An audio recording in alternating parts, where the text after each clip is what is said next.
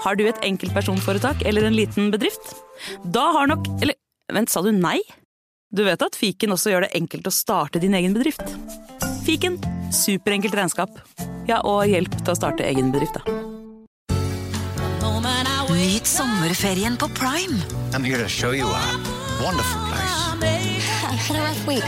Opplev spennende turer. Så kan dette bli veldig farlig. Finn sommerkjærligheten. You're like a Coachella. Hi. Hi. Se på Fallout, Furia eller The Idea of You. Og gjør deg klar for en sommer full av eventyr. Bare på Prime. Krever abonnement på Prime Video. Velkommen til Kjemperådet! Vi har fått inn et kjempeproblem her. Jeg leser. Jeg er på ferie med familien. Det er gøy, bortsett fra at jeg har gips på begge beina. Kan ikke bade eller dra noe sted. Jeg føler meg veldig begrenset. Hilsen begrenset far. Begrenset far trenger ubegrensethet. Yes. Ja, Kanskje ubegrenset data fra 399 med familierabatt hos Telenor? Ja, det løser jo alt! Bortsett fra det med badingen, da. Se nye mobilabonnement på telenor.no. Yes! Advarsel. I denne podkasten vil du høre historier basert på informasjon programlederne har funnet selv. Programlederne står ikke nødvendigvis inne for meninger og syn som fremstilles. Noen påstander kan avvike fra virkeligheten.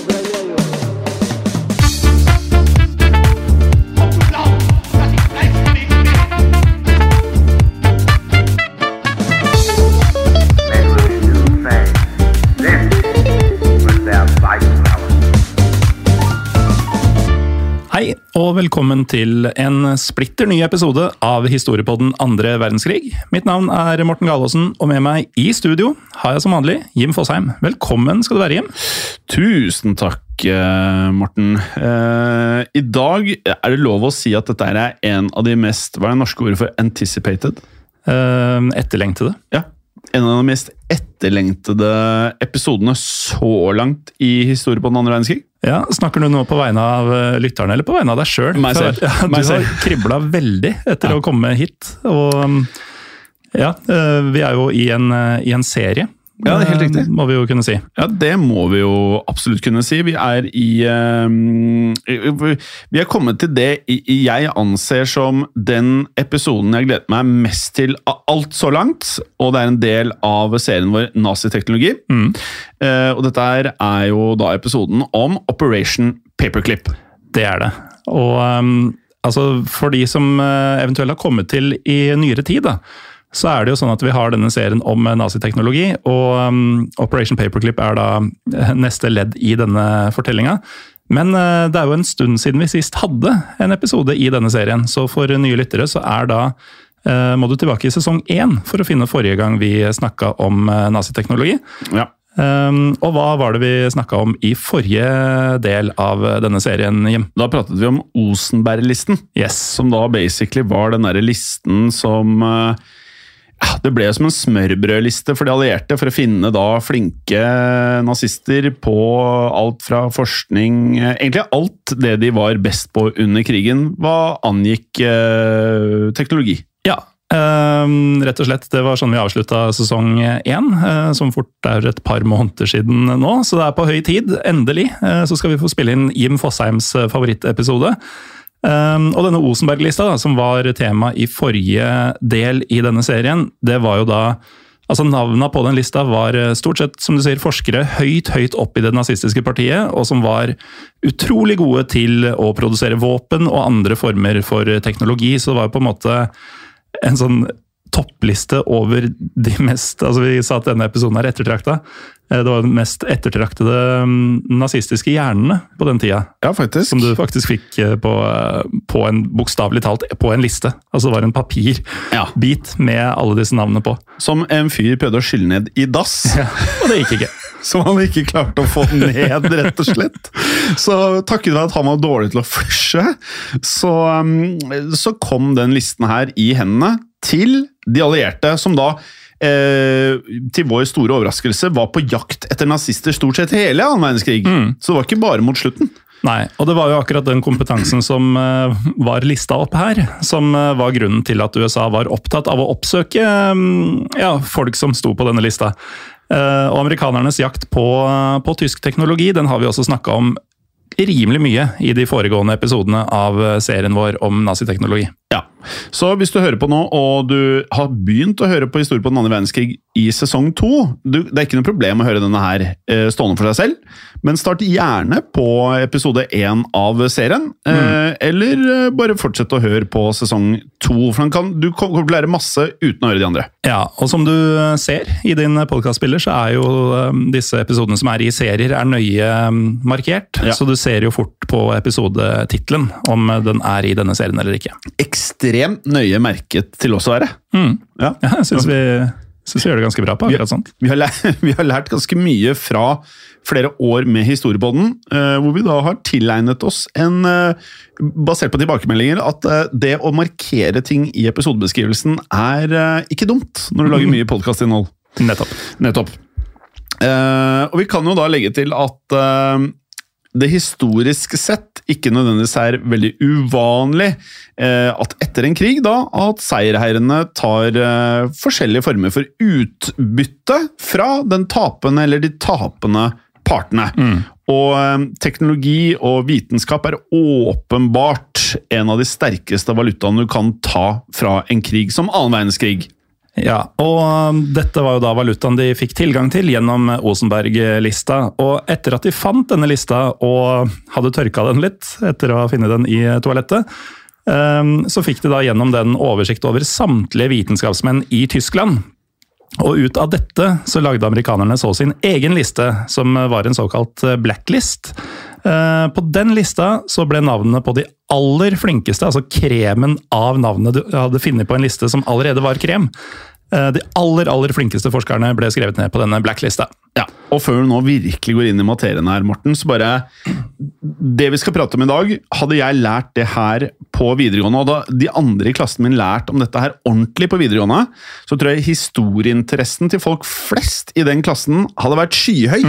For dette her, det vi prater om i denne serien her, dette her er eh, ku svært kuriøst. Ja. Informasjon som veldig eh, få egentlig kan mye om. Eh, men da går vi i gang her. Eh, For vi må jo også repetere litt eh, på andre områder også. For i forrige episode så snakket vi så vidt om en organisasjon som hadde forkortelsen JIOA. Wow! Um, og at det var deres jobb å få oversikt over hvilke forskere som var av interesse for USA. Og wow! Hadde også, som vi husker, ansvaret for en god del historieforfalskning i forbindelse med nettopp dette. Jeg leser jo den eh, forkortelsen på en litt annen måte. Altså Hjernen min funker litt eh, forskjellig fra din, Jim. Eh, For når jeg leser J-I-O-A med store bokstaver sånn etter hverandre, så tenker jeg en litt sånn nølende person som etter hvert går med på det sånn Joa! Ja, ok, du gjør det, ja. Eller sånn der heavy metal. Yeah! Em, ja, tilbake til uh, Ja, kanskje vi skal fortelle. eh, Morten. Ja, fordi Truman, som vi vet, han eh, styrte jo et uh, av de mektigste landene uh, under annen verdenskrig, Ja. nemlig USA. Eh, og Truman hadde jo da sagt at eh, de kun skulle rekruttere de forskerne som verken og hold tunga rett i munnen her nå, for det skulle verken være nazister eller krigsforbrytere. Eh, noe som eh, må kunne sies å være relativt BS. Ja, det var nok en ganske naiv greie, for det var jo en gang sånn at de aller beste tyske forskerne i høyeste grad var eh, nazister og eller krigsforbrytere. Gjerne begge to samtidig. Og vi har nå kommet til den delen av fortellinga der amerikanerne iverksatte den operasjonen som de kalte det episoden heter, nemlig Operation Paperclip. yes, Operasjon Binders. Ja, på norsk.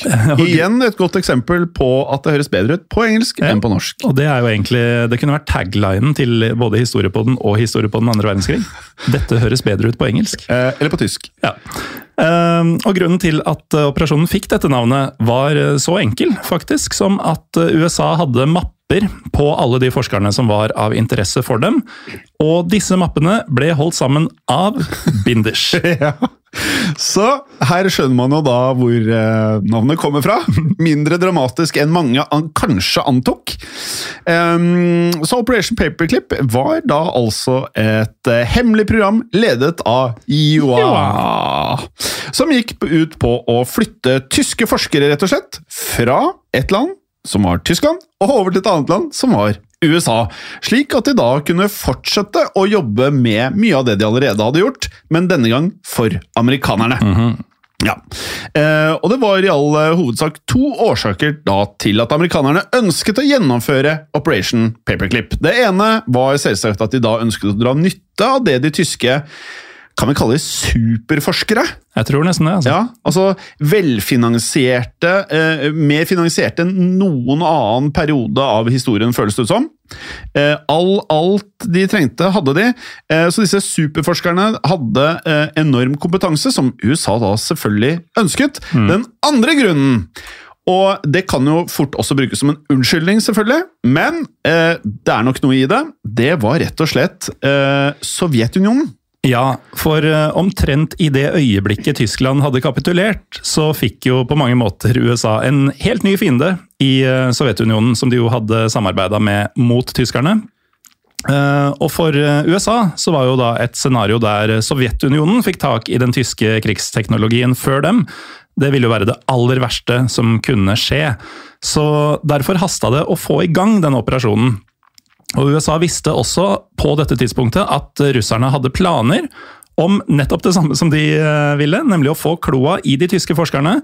Men eh, samtidig så lå det ikke til rette for at de kunne ta dem med over til USA riktig ennå. Nei. Det mm, aller første de da faktisk gjorde, var jo derfor å smugle de tyske forskerne ut fra de områdene i Tyskland som da var i ferd med å bli tatt over av nettopp Sovjetunionen. Og områdene det i første gang da var snakk om, var eh, eh, Sachsen? Sachsen og Thuringia. Ja. Og disse områdene var fulle av forskere som hadde blitt listet opp og nevnt eh, på selveste Osenberg-listen. Og Amerikanerne de bestemte seg da for å sende ut et eh, brev til alle de eh, nevnte eller aktuelle forskerne, der de rett og slett ba dem om å forlate byen umiddelbart. Ja, og de aller fleste som mottok disse brevene, adlød også denne ordren, selv om de eh, riktignok De hadde jo ikke noe valg. Um, og Deretter så ble de sendt av gårde på tog til områder i landet der USA hadde kontrollen. Altså Vi er fortsatt i Tyskland. Um, og slike, Denne typen operasjoner ble gjort over hele Tyskland av USA. Hver gang Sovjetunionen nærma seg, så forsøkte de å flytte på de tyske forskerne, slik at eh, Sovjetunionen ikke fikk tak i dem. Ja, eh, men samtidig som da amerikanerne flyttet rundt på disse superforskerne, så var planen også å bruke dem til å forske frem teknologi som eh, selvfølgelig da, som vi vet nå i ettertid, kunne hjelpe amerikanerne med å få en rask slutt på krigen, nettopp mot Japan. Ja, for de hadde ikke kapitulert helt ennå. Nei, de var ikke spesielt interessert i det heller, og vi vet jo at noen av de japanske soldatene var mer ivrige enn andre. Eh, Hør på andre episoder av Historiepodden, både vanlig Historiepodden og Er det ikke episode 100 vi feira med Historiepodden med nettopp dette? Stemmer det. Hiro Onoda, Ja, som Hiro kriga til langt ut på 70-tallet. Han holdt på. Og dette var det uttalte målet i det som ble kalt Operation Overcast. Ja. Og Overcast vet du i dag er en podkastavspiller, hvor du kanskje hører du på historie på den andre verdenskrig, nettopp på Overcast. Det er i så fall ganske meta. Noen vil kalle det ganske meta, faktisk. Noen vil kalle det ekstremt meta. Eh, andre vil kalle dette vi driver med nå, veldig nerd, men det er allikevel den humoren vi har. Men på den tiden så var Ja. Overcast noe helt annet. Ja, helt, eh, noe helt annet. For Operation Overcast var da den direkte forløperen til Paperclip. Ja, og Ja. jeg syns alltid, når vi har episoder som heter noe med Operation, Ja. så dukker det opp sånn tre-fire andre operasjoner i episoden om én operasjon. Um, De klarte liksom aldri å bestemme seg helt, og det var utvikling av Ja. navnene og alt dette. for å gjennomføre denne operasjonen, så måtte disse tre operasjonene Ja. gjennomføres først. Ja. Eh, og dette var jo da Overcast, for Overcast eh, flyttet ingen tyske forskere ut av Tyskland, men lot forskerne arbeide i Tyskland, og holdt de samtidig eh, borte da fra Sovjetunionen. Ja, og først i november 1945, da ble Operation Overcast omdøpt til Operation Paperclip, og joa! Begynte planlegginga med å få sendt de tyske vitenskapsfolka over til USA. Og vi har jo allerede snakka litt om hvordan de gikk fra å leite etter nøytrale tyskere, eh, før de da, altså amerikanerne til slutt måtte innse at de var nødt til å samarbeide med nazistene om de skulle ha de beste hjernene med seg. Helt riktig. Og et uh, lite år etter at Operation Paperclip ble til, 3.9.1946 for å være nøyaktig, så ga president Truman klarsignal til Iowa om at de da kunne begynne å sende forskerne ut av Tyskland og over til USA, uansett om de da var gamle nazister, krigsforbrytere eller hadde gjort annet ugagn under disse årene her. Og det er jo det motsatte av det vi nevnte i sted. Det er det, eh, men det måtte til. Tydeligvis, eh, og dette kunne egentlig ikke komme fort nok, for en drøy måned senere så slo Sovjetunionen til, for de klasket til med å dra ut 2200 tyske, mest sannsynlig alle sammen, eh, nazister eller krigsforbrytere i en eller annen form, eh, i en operasjon som de kalte Osovjachim. Oh, den gleder jeg meg til å Ja, høre det deg blir si. jo, eh, blir jo en egen episode, det òg. Osovjachim. Operasjon eh, Joachim. Ja. Ja. Uh, Og det var jo da russernes versjon av Operation Paperclip. Og den operasjonen, uh, altså den russiske versjonen, uh, fant sted natt til den 22. oktober 1946. Eh, Og selve operasjonen hadde vært planlagt noen uker i forveien, og alle nødvendige forberedelser var derfor gjort for at dette skulle gå så knirkefritt som mulig. Og Blant annet så hadde russerne gjort klart eh, flere tog langs grensa til Tyskland, som nå sto klare til å transportere de tyske ja, spesialistene som de fikk tak i. Ja, og sovjeterne under ledelse av general Zerov, Zerov. Zerov hadde også skrevet en lang liste med nettopp tyske forskere, og de var jo selvfølgelig eh, veldig interessert i å hente så mange som mulig, de også over til Sovjetunionen. Midt på natten dro dermed rundt 2500 sovjetiske soldater og politimenn inn til Tyskland. Og etter hva vi forstår, så var dette en eh, operasjon som måtte gjennomføres i eh, hast, men samtidig med en eh, viss form for eleganse. Fordi at når de oppsøkte alle disse adressene som de da hadde på sin liste, så skal de egentlig, etter hva vi har forstått, eh, bedt disse nazistene pent og pyntelig om å pakke sekken og det de trengte, og bli med dem. Ja, så um, er det sikkert forskjellige definisjoner av å be pent. Um, Det tror jeg òg. Men eh, russerne lot også disse spesialistene ta med familiene sine om de ønsket det, men det var faktisk valgfritt. Eh, Så hvis man regner med familiemedlemmene, så klarte russerne å smugle ut mellom 6000 og 7000 mennesker denne natta. Og av disse så var det altså, som du nevnte, 2200 tyske vitenskapsmenn. Eh, Og i tillegg da til å ta med seg disse tyske spesialistene og familiene deres, så tok russerne også med seg alt det teknologiske utstyret de kom over. Ja, og alle sammen ble så videre fraktet av gårde ja, gjennom nattens mulm og mørke, eh, rett inn til Sovjetunionen. Og dermed så kunne jo nå Sovjetunionen da straks også begynne utvikling av ny våpenteknologi ved hjelp av deres eh, nyimporterte kompetanse. Eh, og man må også kunne si at dette var en eh, effektiv operasjon eh, sovjeterne gjennomførte der. Og vi kan jo dra det så langt som å si da at amerikanerne kanskje hadde noe å lære av russerne her. Ja, det kan man jo si, med tanke på hvor eh, kort tid de brukte på å planlegge og gjennomføre dette her. Um, men man sier jo gjerne at eh, den kalde krigen begynte helt i slutten av 1940-åra, men eh, dette var jo egentlig full kald krig allerede i 1946. Mm. og man kan også argumentere for at dette kappløpet starta enda tidligere. For vi har jo snakka om at amerikanerne henta inn tysk informasjon allerede før krigen var slutt. Igjen, man må gå noen episoder tilbake for å høre om. Um, Men det som i alle fall er sikkert, er at amerikanerne tidlig skjønte at de måtte få tak i tyskernes eh, våpenteknologi, før da mm, ja, den eh, østlige bjørnen, Sovjetunionen, fikk tak i den. Ja, og akkurat det ble nok enda mer eh, presserende da de fikk greie på at tyskerne ikke bare hadde forsket på raketter og missiler under krigen, men også hadde utviklet kjemiske og biologiske våpen, og nå nærmer vi oss litt av kjernen her. For slike våpen var eh, spesielt amerikanerne ikke i nærheten av å ha på dette tidspunktet, og det var nettopp denne oppdagelsen som virkelig fikk fart på Operation Paperclip. Eh, eller for å si det på en annen måte, da. Denne oppdagelsen gjorde at Yoao ville at det skulle bli fart på operasjonen. Ja, for de møtte nemlig på en del problemer etter at Truman i 1946 hadde gitt dem klarsignal.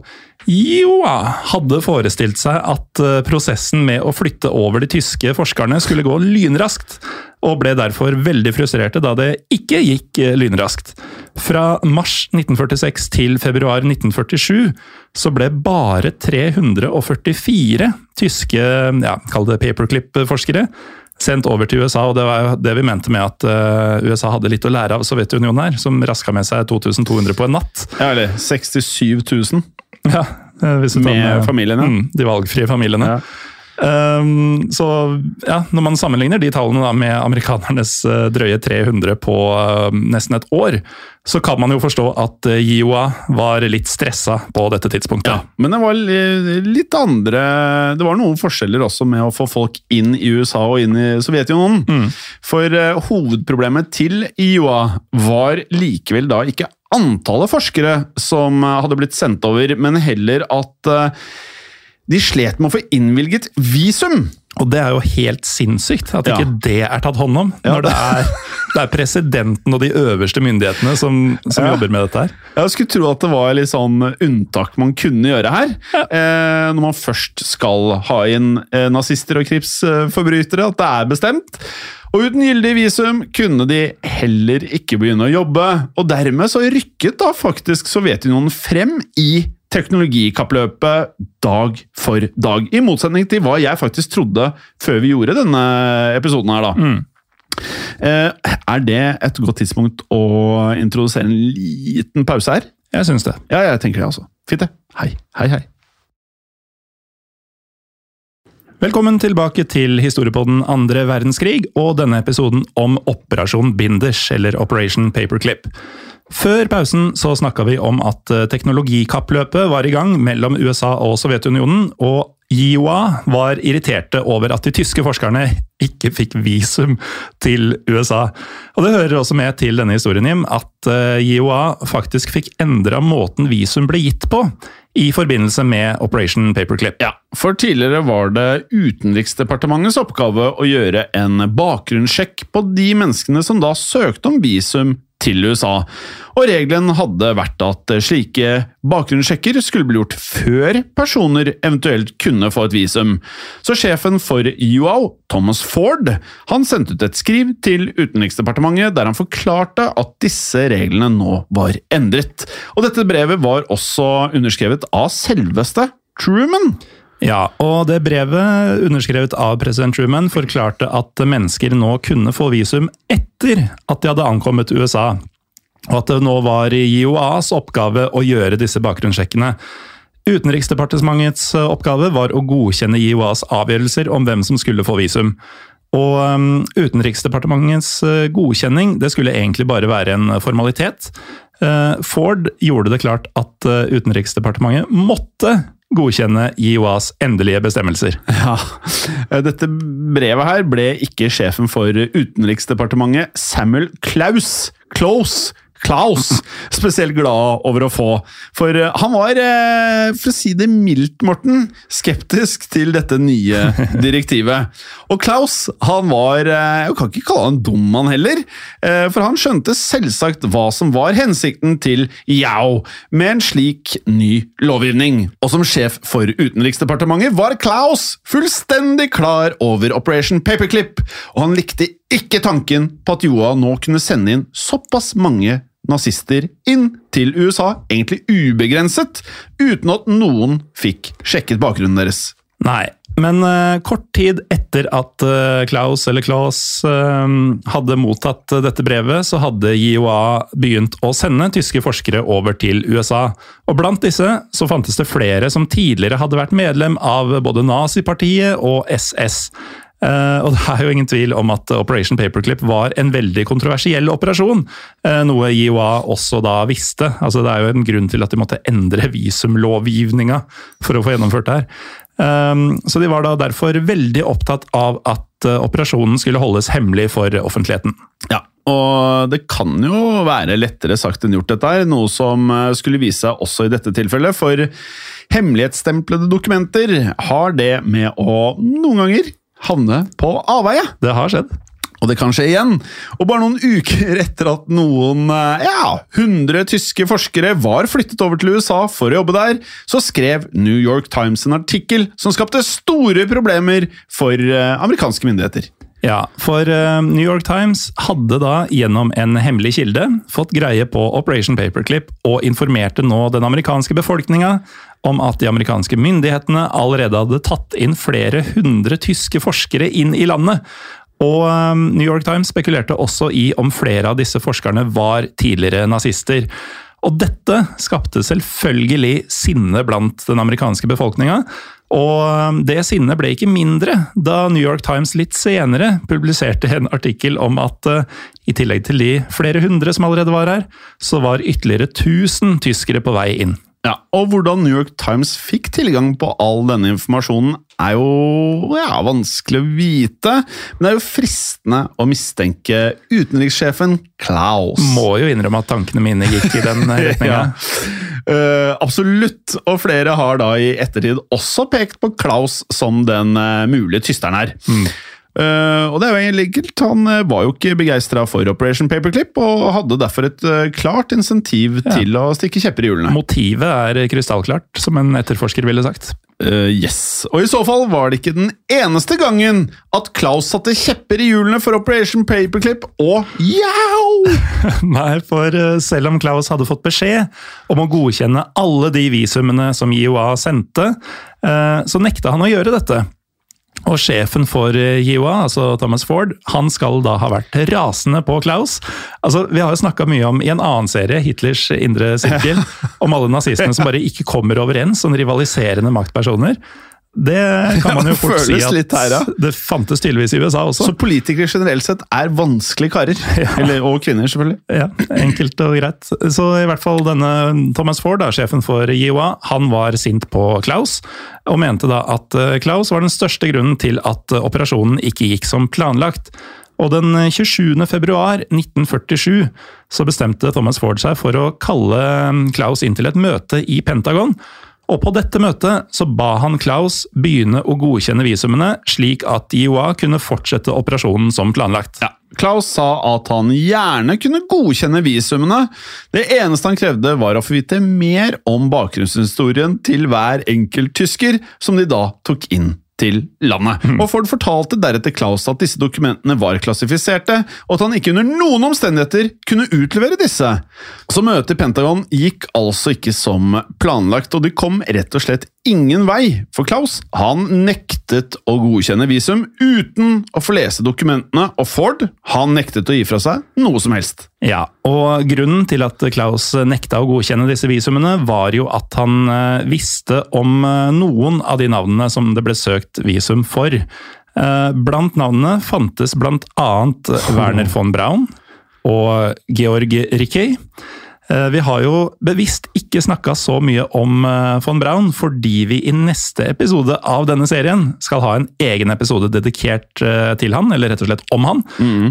Men i forrige episode, Osenberg-lista, så snakka vi om Rickey. Ja. og han var jo, som vi husker, høyt, høyt oppe i det nazistiske systemet under krigen. Ja, åpenbart, for begge disse var jo eh, prominente medlemmer av SS. Eh, Noe Klaus var fullstendig klar over. Mm. Alle var klar over dette. Ja, ja. Og dette var også grunnen til at eh, han sto på sitt, og han rikket seg ikke av flekken. Og selv om det var en isfront mellom Yao og Utenriksdepartementet, var det jo ikke sånn at hele Operation Paperclip sto stille. For helt siden amerikanerne hadde fått vite om tyskernes forskning på nettopp kjemiske våpen, hadde det som heter American Chemical Corps forsøkt å få tyske soldater over til USA for å begynne arbeidet med utviklingen av nettopp slike våpen. Jeg syns eh, American Chemical Corps høres ganske illevarslende ut. Ja, veldig. og ca. samtidig som da Ford og Klaus hadde sitt møte i Pentagon, så lyktes de endelig med å få en tysk forsker og kjemiker over til USA. Mannen som de hadde fått tak i, var doktor Friedrich Hoffmann. Hoffmann han var ekspert på det svært giftige stoffet tabun, som var et eh, viktig kjemisk stoff i utviklinga av kjemiske våpen. I eh, februar 1947 så ankom Hoffmann anlegget Edgewood Arsenal i Maryland. Eh, Dette anlegget var bygget eh, for å forske på og produsere ulike typer kjemiske våpen. Morten, merker du at dette her er en vanvittig episode? Åh, det er så sykt. Dette her er da altså på mange måter Det er jo ikke det første steget mot uh, den eh, nuclear era, men, men det, er, det, er, det er nå det liksom tar et stort steg, da. Mot det som egentlig er det som for mange eh, holder fred i verden, som for mange også er den største risikoen. Ja, og så er det jo noe med at eh, amerikanske myndigheter setter himmel og jord i bevegelse for å knytte til seg noen av altså, de verste folka i verden på den tida. Og de var fullt klar over Ja, ja. Ja. Uh, ja begge parter ja. gikk jo for det samme. Men uh, altså Det er det verste av de verste folka. Altså det der uttrykket om at målet helliger middelet, eller hva det er for Mhm. noe. At, uh, ja, det kommer veldig til sin rett her, syns jeg. Åpenbart, og grunnen til at de klarte å rekruttere Hoffmann på tross av Utenriksdepartementets strenge strenge her, var at Hoffmann ikke hadde sympatisert med naziregimet under krigen. Og Hoffmann var med det en av de få paperclip-forskerne som Joao ikke måtte endre biografien til. Og det sier jo litt, da. En av få. Og Hoffmann eh, hadde aldri støttet titler heller, og i tillegg hadde hans svigerfar også vært spion for amerikanerne under krigen. Ja, og um, American Chemical Corps de var også storfornøyd med Hoffmanns arbeid fra dag én. Anlegget i Maryland de klarte på rekordtid å rett og slett revolusjonere forskninga på kjemiske våpen. Akkurat dette med kjemiske våpen var, som vi har vært innom tidligere, et eh, spesielt følsomt eh, tema. Og Sovjetunionen de hadde nemlig fått med seg flere tyske eksperter på kjemisk krigføring under operasjon uh. Eh, og Det var derfor ekstremt viktig at USA klarte å holde følge med den russiske våpenutviklinga. Ja, og det hjalp jo da en hel del at de hadde fått tak i Hoffmann. Men det skulle ikke ta lang tid før amerikanerne ønsket å hente enda flere tyske kjemikere til nettopp dette anlegget. Mye vil ha mer. Mye vil ha mer, Morten.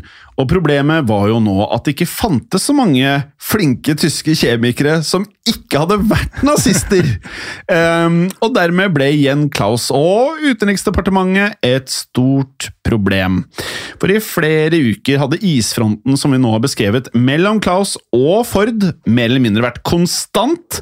Men så til slutt så fikk Ford nok. Han tok kontakt med øverste hold, og fikk gjennom sine kontakter der Klaus omplassert. Ja, Klaus ble rett og slett flytta fra Utenriksdepartementet over til et annet departement som ikke hadde noe å gjøre med godkjenning av visum. Og dermed, med Klaus eh, ute av veien, så lå alt åpent for at JIOA kunne begynne å få flere tyske forskere i arbeid, noe de også gjorde. Over hele landet så ble ulike forskningsanlegg fylt opp av tyske spesialister, og mange av disse var, ikke overraskende, tidligere SS-medlemmer og ganske overbeviste nazisympatisører. Ja, det vil jeg si. Og selv om Joa da hadde klart å rydde Klaus av veien, var problemene deres likevel ikke helt over. For vi nevnte jo New York Times tidligere. New York Times eh, sin artikkel om Operation Paperclip hadde skapt eh, en eh, sterk reaksjon i den amerikanske befolkningen, og presset nå på myndighetene økte for hver eneste dag som gikk her. Slik at krigsdepartementet i USA de bestemte seg etter hvert for å bekrefte New York Times sin historie. Eh, for de skjønte jo at eh, det ville være mer eller mindre nytteløst å benekte dette. Ja, så i stedet for å grave eller feie ting under teppet, så ble strategien derfor i stedet for å vise fram de tyske forskerne som de hadde henta fra Tyskland. Ehm, og selvsagt så passa de da på å bare vise fram de eh, forskerne som ikke hadde en bakgrunn som eh, nazister. Eh, Myndighetene åpna opp for at reportere kunne få lov til å intervjue flere av disse tyske forskerne, og gjerne da med fokus på hva disse forskerne produserte på fabrikkene, ikke nødvendigvis hva de hadde tenkt eller produsert eh, i gamle dager. Nei, føles ikke sånn. Og det ble skrevet en rekke rekke nyhetsreportasjer om hvilke nyvinninger som amerikanerne nå kunne få glede av da, av disse tyske forskerne. Og vi har jo vært imponert uh, alltid over tyskernes propagandaapparat under krigen. Jeg syns den uh, spinndoktoren som har vært i aksjon her, har gjort en ganske bra jobb. Så de lærte mer enn bare om forskning av nazistene. Eh, disse reportasjene som da fremstilte Operasjon Paperclip som en eh, solskinnshistorie her, lurte ingen. Nei. Nei. Det gikk stadig rykter om at det fantes nazister blant forskerne som hadde blitt ført inn i USA av IOA. Ja, og flere av disse ryktene ble etter hvert også bekrefta, da det i ulike intervjuer kom fram at mange av disse forskerne hadde bakgrunn fra bl.a. SS. Så eh, IOA hadde rett og slett undervurdert kraften i den frie presse. Og For å understreke det sinnet som var knytta til Operation Paperclip på dette tidspunktet, så kan jeg lese et sitat av um, journalisten Joachim Josten. If you enjoy mass murder, but also treasure your skin, be a scientist, son. It's the only way nowadays of getting away with murder. Ja, det er jo på sett og vis uh, treffende, da. Ja. Uh, og Josten han la da med andre ord ikke skjul på hva han mente om Operation Paperclip, og det var han heller ikke alene om, for rundt om i hele USA var det folk som delte dette synet. Og Jeg kan godt uh, lese et sitat fra um, samme periode av rabbineren Steven S. Wiese, eller Weiss, som var president for den jødiske kongressen. As long as we reward former servants of Hitler while leaving his victims in displaced persons camp, we cannot pretend that we are making any real effort to achieve the aim we fought for. Nei, så det er jo ikke vanskelig å skjønne hvorfor folk var sinte, for uh, tyskerne de hentet var jo da tross alt, uh, som folk skjønte, krigsforbrytere som slapp unna all form for straff, uh, bare fordi de var flinke til noe USA ønska seg. og at det ble store protester er derfor, vil jeg si, fullt forståelig. Og En annen av de fremste kritikerne til Operation Paperclip var faktisk også Eleanor Roosevelt, som da var kona til den tidligere presidenten Franklin D. Roosevelt. Ja, og Hun inviterte bl.a. folk til en konferanse der de skulle diskutere Operation Paperclip og hvorfor den var uetisk.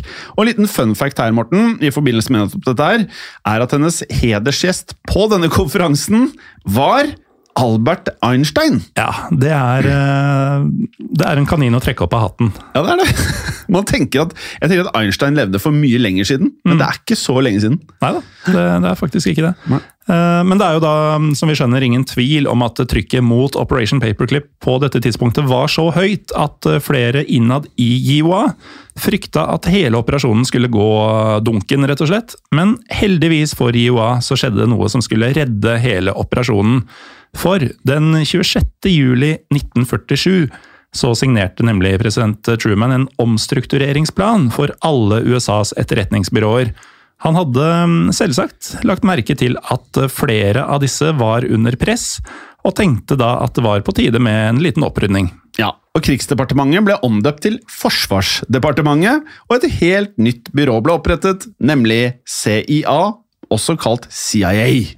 Eh, Det aller viktigste for IOA og Operation Paperclip var i dette tilfellet opprettelsen av Central Intelligence Agency, altså CIA. Og CIA ble nemlig raskt IOAs aller sterkeste støttespiller her.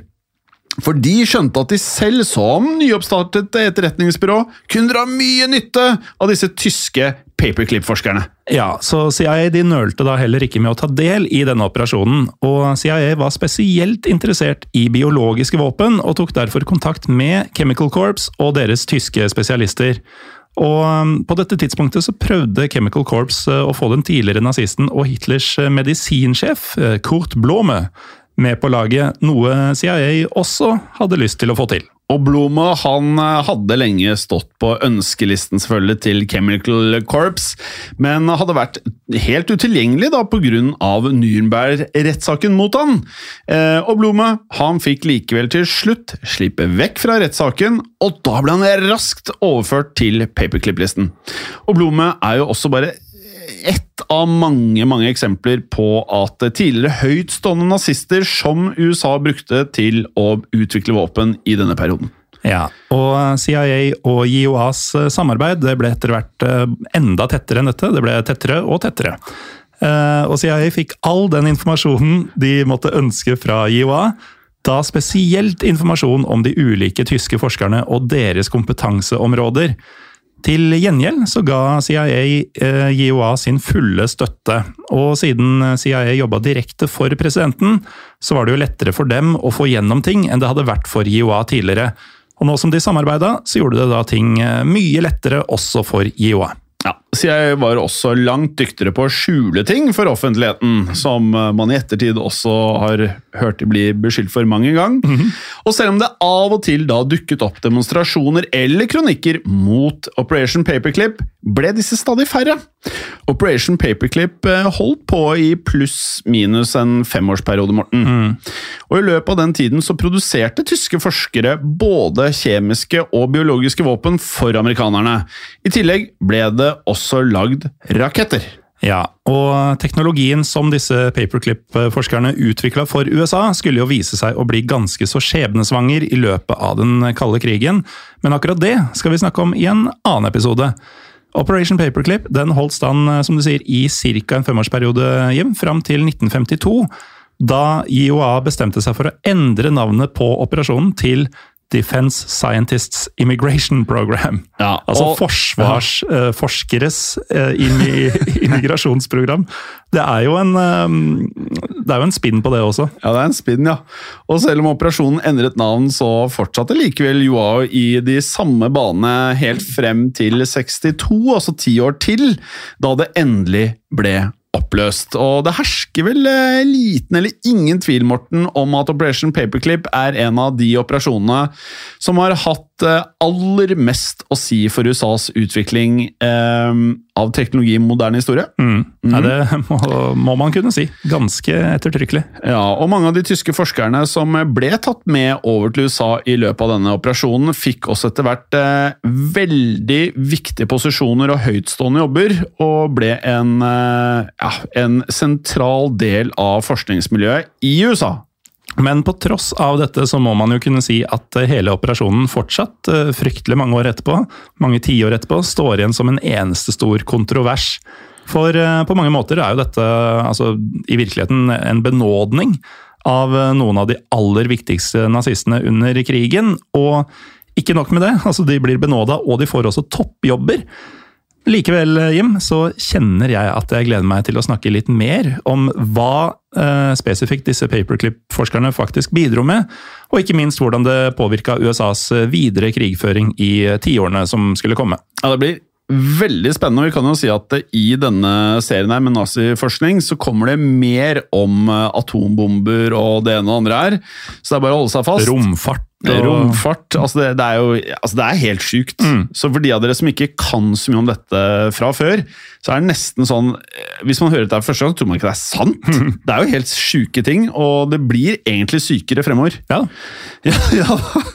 Eh, og med det så føler vi at eh, Operation Paperclip at det her er en grei måte å avslutte det på, selv om man kunne dratt inn ganske mye mer. Vi kunne egentlig lagd en femepisoders om dette her, så det kan godt være at vi gjør det i fremtiden, men for å få et overblikk og en inngående forståelse av hovedelementene, så føler jeg at det er her det kanskje gir mening å avslutte det hele. Ja, og eh, som vi nevnte tidligere, neste episode i denne serien vil jo handle om Werner von Braun, og det blir jo eh, det blir saker. Ja, det blir saker. Og med det, Morten, så kan vi jo sende folk inn på eh, Facebook-gruppen vår Historie for alle. Ja, det kan vi. Det kan vi. Der, er Det gjorde vi nå. Ja, det gjorde vi. Så gå dit, uh, du som lytter. Ja, og så kan du følge oss på Instagram og Facebook, der vi heter Historiebonden Norge. Rate oss veldig gjerne på iTunes. Vi nærmer oss er det 500 ratinger, tror jeg, eh, på, på iTunes. Eller er det 400? Tror jeg 500. Ja, tror jeg 500. Og så har vi 4,7 i snitt, så vi kan jo liksom kanskje nafse, gomle litt på femstjerneren hvis folk eh, er enig i det, men da trenger vi flere femstjernere. Og med det, folkens, så takker vi veldig mye for bidragene deres, forslagene og alt av hyggelig tilbakemelding. Absolutt. Og um, Jim, det har skjedd. Og det kan skje igjen. Ha det. Ha det bra! I produksjonen av Historiepodden så ønsker vi å takke Håkon Bråten for lyd og musikk. Takk til Felix Hernes for produksjon. Takk til Ellen Froktenestad for tekst og manus. Og takk til deg, Morten Galesen, for programlederrolle. Og takk til deg, Jim Fosheim, for programlederrolle. Moderne media. Kan kundene dine betale slik de ønsker? Med betalingsløsninger fra Svea øker du sannsynligheten for at kundene fullfører et kjøp, fordi de finner sitt foretrukne betalingsvalg. Svea vår jobb, din betalingsløsning. Enklere, raskere. Nå fyrer Kiwi opp grillen med billig sommer- og grillmat. Juicy og smakfulle grillpølser. Hva med pølseserien Grillvers fra Folkets? Før 39,90. Nå ny lav pris 34,90 per pakke. Eller bestselgeren Gilde trepakk grillpølser til bare 119. Crispy salater og alt det digge tilbehøret. Utvalget er stort, og prisene, ja, de er alltid lave. Hos Kiwi. Hei, Morten. Hei, Jim. Og hei til deg som eh, hører på. I eh, dag så har vi en eh, stor overraskelse til dere alle sammen. Det har vi, for eh, vi har bestemt oss eh, for å gi dere som hører på en liten smakebit på hva man får med abonnement i Untold. Det er helt riktig, men eh, hva er eh, Untold, Morten? Jo, Untold det er en app eh, der du kan høre en rekke podkaster, eh, flere titalls podkaster, helt uten reklame. Det er riktig, og ut mai måned så kan du derfor da høre episoder som du vanligvis kun hadde funnet i appen Untold. Ja, for eh, som Untold-kunde så får du nemlig en ny, reklamefri episode av Historiepodden andre verdenskrig hver eneste uke hele året. Ja, og i Untold så får du også ukentlige episoder av Henrettelsespodden og Historiepodden blant flere, samt også da miniserier som Gulltransporten og Historien om Henry Rinnan. Og apropos Historiepodden, Jim, så er det snart eh, 17. mai.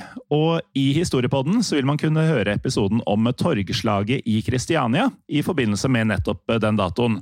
Og det er en episode som alle bør få med seg. Jeg tenker det, og skulle du som hører på nå sitte igjen og tenke at du veldig gjerne vil høre en episode av Historiepodden andre verdenskrig hver eneste uke, så er da, som du helt sikkert skjønner, Untold en mulig løsning for deg.